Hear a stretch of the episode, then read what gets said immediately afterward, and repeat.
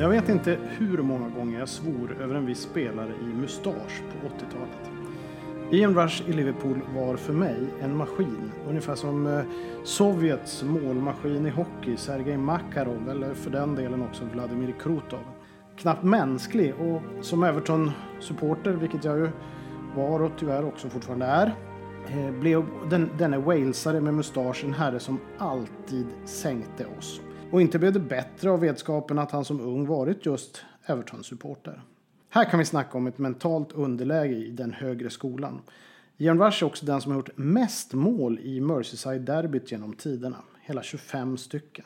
Rush var en fox in the box. Lurade, luktade och slog till. Ofta stöttad av medspelarnas genialitet. Främst kanske Kenny Dalglish och senare John Barnes. Han var ingen elegant eller överlägsen spelare på något sätt men när det väl gällde så kunde man ge sig fan på att Rush var där och förstörde allt med att vara sist på bollen innan den begravdes i nätmaskorna. Oftast dök han upp ur ingenting, ungefär som om han beamades fram ur ett Star Trek-avsnitt. Men som Everton-supporter borde man nog ändå vara lite intresserad av just de här målskyttarna. Faktum är ju att just tröja nummer 9 är den mest klassiskt vördade i, i The Toffees. Och kanske den enda jämförelse där Everton fortfarande är bäst eftersom klubben har flest skytteligavinster genom tiderna. Hela 12 stycken. Tvåan Arsenal har 11 och trean Spurs har 9. I dagens Old School Fotboll kommer jag att vältra mig i målskyttar och mer precis målskyttar på 80-talet och i ligaspelet. Bara mål i högsta divisionen gills. Jag tänker också utnämna topptrion under decenniet. Men först lite bakgrund. Flest skytteligasegrar genom tiderna tillskrivs en viss Jimmy Greaves. Hela sex stycken tog han för Chelsea och Tottenham mellan 1959 och 1969. En makalös bedrift som nog aldrig kommer att slås. Greavesy var unik som målskytt. Som tvåa på listan finns Derby County-legendaren Steve Bloomer. Fem segrar blev det mellan 1896 och 1904. Trea är Arsenals Thierry Henry med fyra segrar mellan 2002 och 2006. Därefter kommer tre spelare på vardera tre segrar. Sunderlands John Campbell i slutet av 1800-talet, Alan Shearer för Blackburn och Newcastle i mitten av 1990-talet och så en 80-talshjälte, Gary Lineker, som tog sina tre segrar för tre olika klubbar. Leicester, Everton och Tottenham. Vilket gör honom unik i just den kategorin. Sedan följer 13 spelare på två segrar vardera. Jack Southworth, Albert Shepard, David McLean, Jack Bowers, Tommy Lawton, Ron Davis, Malcolm McDonald, Alan Smith, Michael Owen, Jimmy Floyd Hasselbank, Didier Drogba, Robin van Persie och Dixie Dean. Just Evertons Dixie Dean har även rekordet för flest mål på en och samma säsong, hela 60 stycken 1927-28. Även det är ett rekord som sannolikt aldrig kommer att överträffas. Att det ändå är så pass få med två eller fler segrar i skytteligan sedan starten 1888-89 är ju ett bevis på hur svårt det är och hur magnifik prestationen är. Topptrion vad gäller flest antal mål i högsta divisionen totalt sett består av idel tunga namn, vilket man endast kan buga av vördnad inför. Etta är Jimmy Greaves på 357 mål på 516 matcher, vilket ger 0,69 mål per match. Tvåa Steve Bloomer med 317 mål på 536 matcher, vilket ger 0,9 mål per match. Och trea Dixie Dean på 310 mål på, håll i er nu, 362 matcher, vilket innebär 0,86 mål i snitt per match. 0,86 alltså. Dean gjorde även 43 hattricks. Tre för Tranmere och 37 för Everton och två för England samt ett då han representerade fotbollsligan, vilka ofta spelade matcher mot den irländska och skotska ligan på den tiden. Faktum är att han gjorde 18 mål på 16 landskamper för England och 9 mål på 6 matcher för fotbollsligan. Av nutida spelare är det endast Alan Shearer som gör sig gällande på 283 mål Eh, på 559 matcher och en i sammanhanget mycket imponerande femteplats med ett målsnitt på 0,51.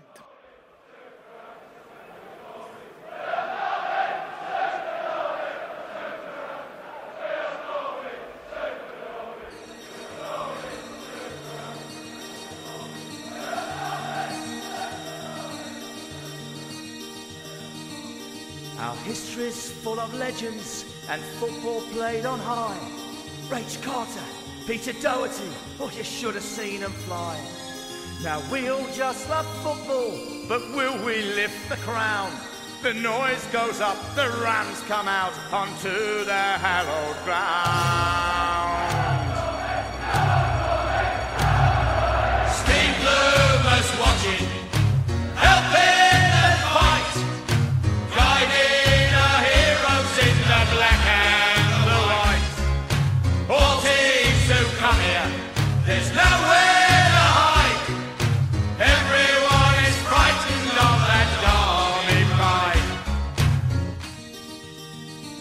Går vi tillbaka till 80-talet och hjältarna när jag satt som mest klistrad framför Tipsextra så har vi följande skytteligasegrar. Och då har jag börjat med säsongen 80-81 och slutat med säsongen 89-90. Det är väl en smaksak, men jag ville ha liksom ett decennium.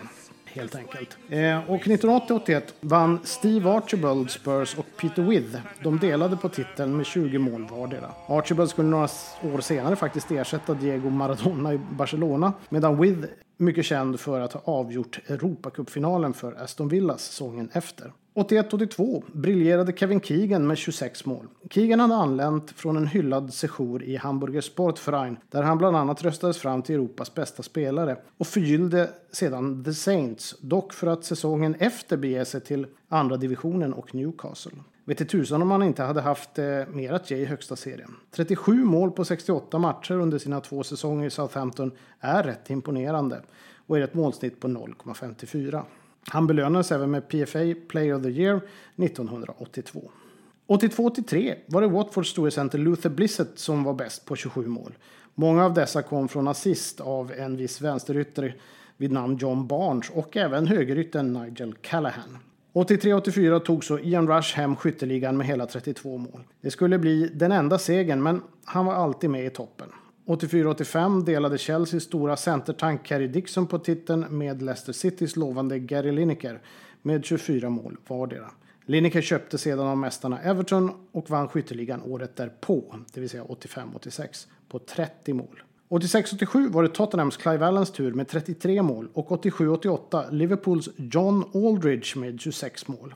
88-89 tog Arsenals Alan Smith, mannen som kunde nickpassa, hem titeln med 22 mål och 89-90 var det återigen Gary Linekers tur, denna gång för Tottenham med 24 mål. Och därmed återstår frågan om vilka toppforwards som var allra bäst under 80-talet. Nu ska vi också vara medvetna om att eftersom jag endast kollar på de som vunnit skytteligan försvinner flertalet notoriska målskyttar under perioden som kanske borde varit med. Så som West Ham och Evertons Tony Cotti som faktiskt under hela sin karriär i högsta divisionen från 1982 till 1999 han spelade även i Leicester på 90-talet. Gjorde 214 mål vilket placerar honom på 17 plats genom alla tider i antal gjorda mål. Även Lee Chapman med massor av klubbadresser såsom bland andra Stoke, Sunderland, Arsenal, Sheffield Wednesday, Leeds och Nottingham återfinns på en 40 plats med sina 179 mål mellan 1978 och 94. Men det finns fler spelare och nu tänker jag räkna upp några namn. Ni kommer säkert känna igen några av dem. Kanske alla.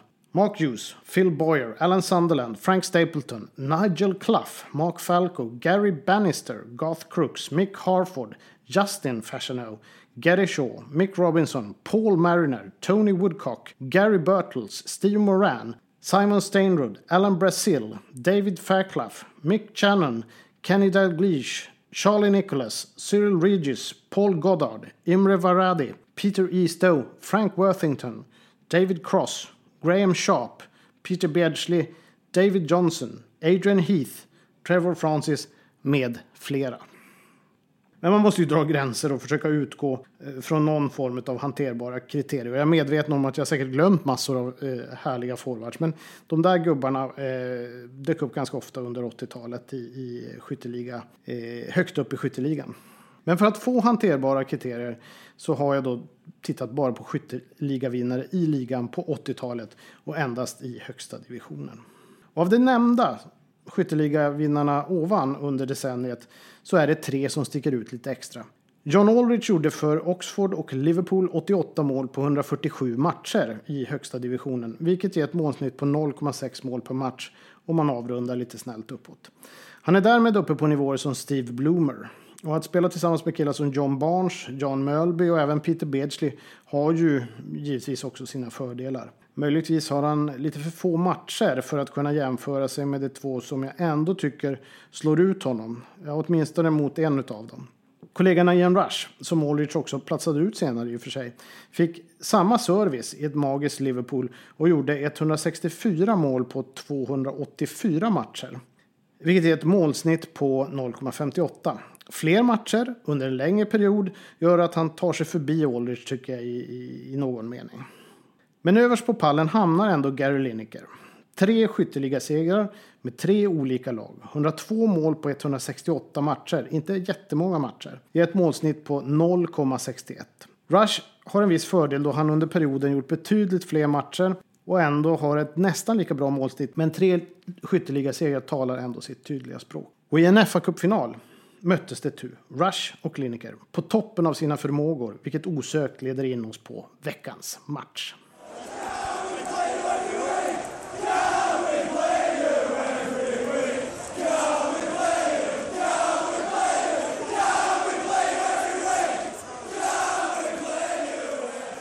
FA-cupfinalen 1986. Scenen var magnifik. Vi pratar blått.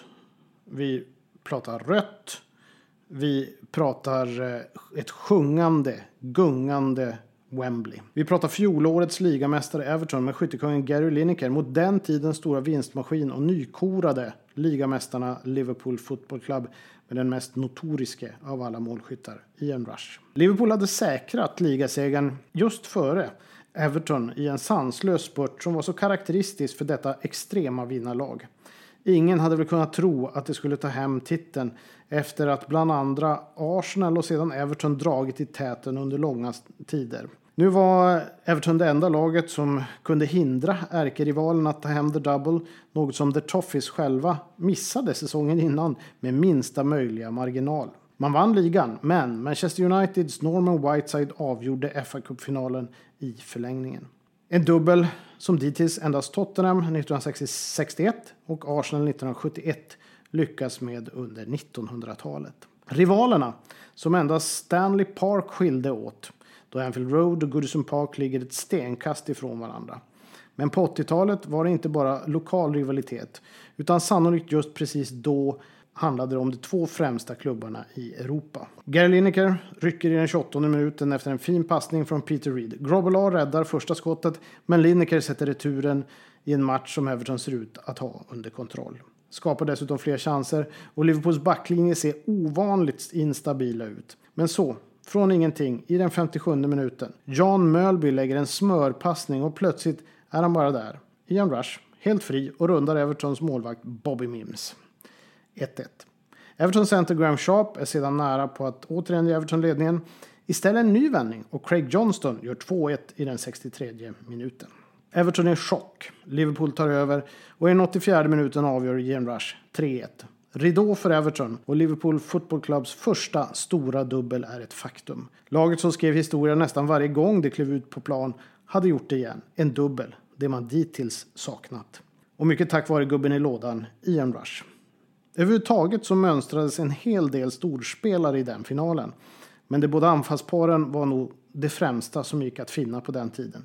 Everton med den grovt underskattade eh, men ständigt framspelande och målgörande Graham Sharp tillsammans med Lineker. Liverpool med Kenny Dalglish och Ian Rush. Och låt oss titta lite närmare på just Lineker och Rush.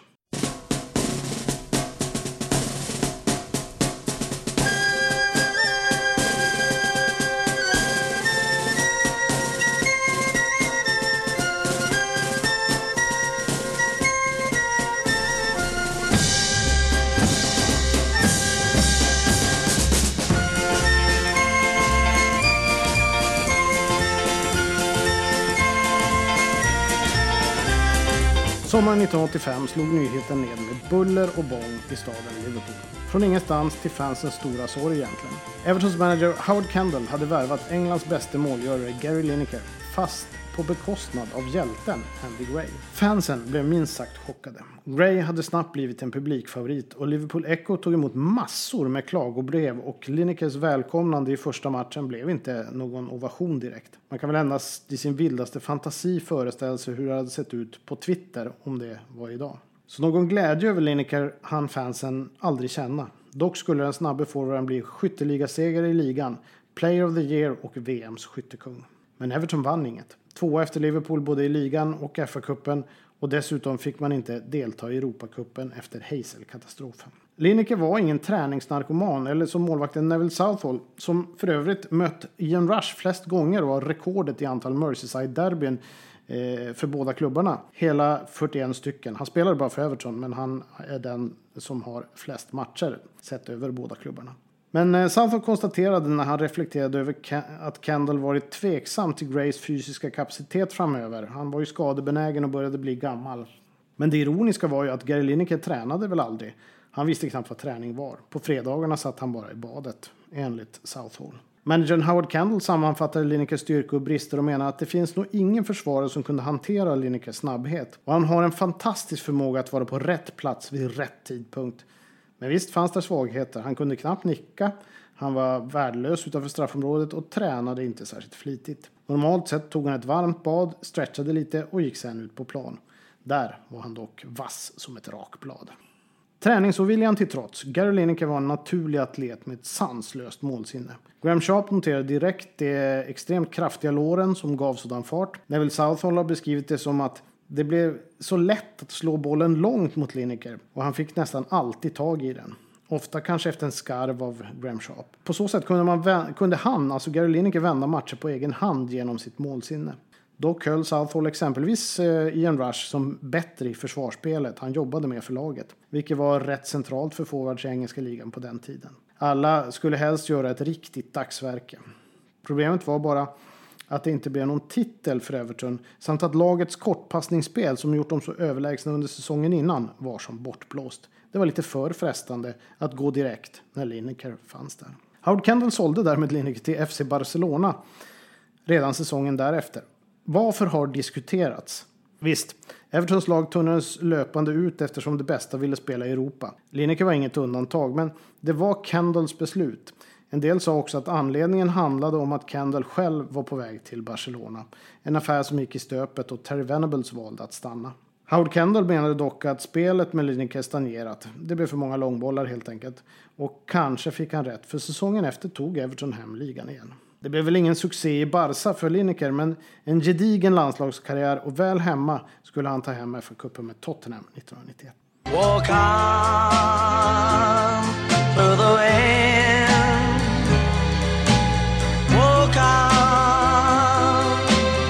further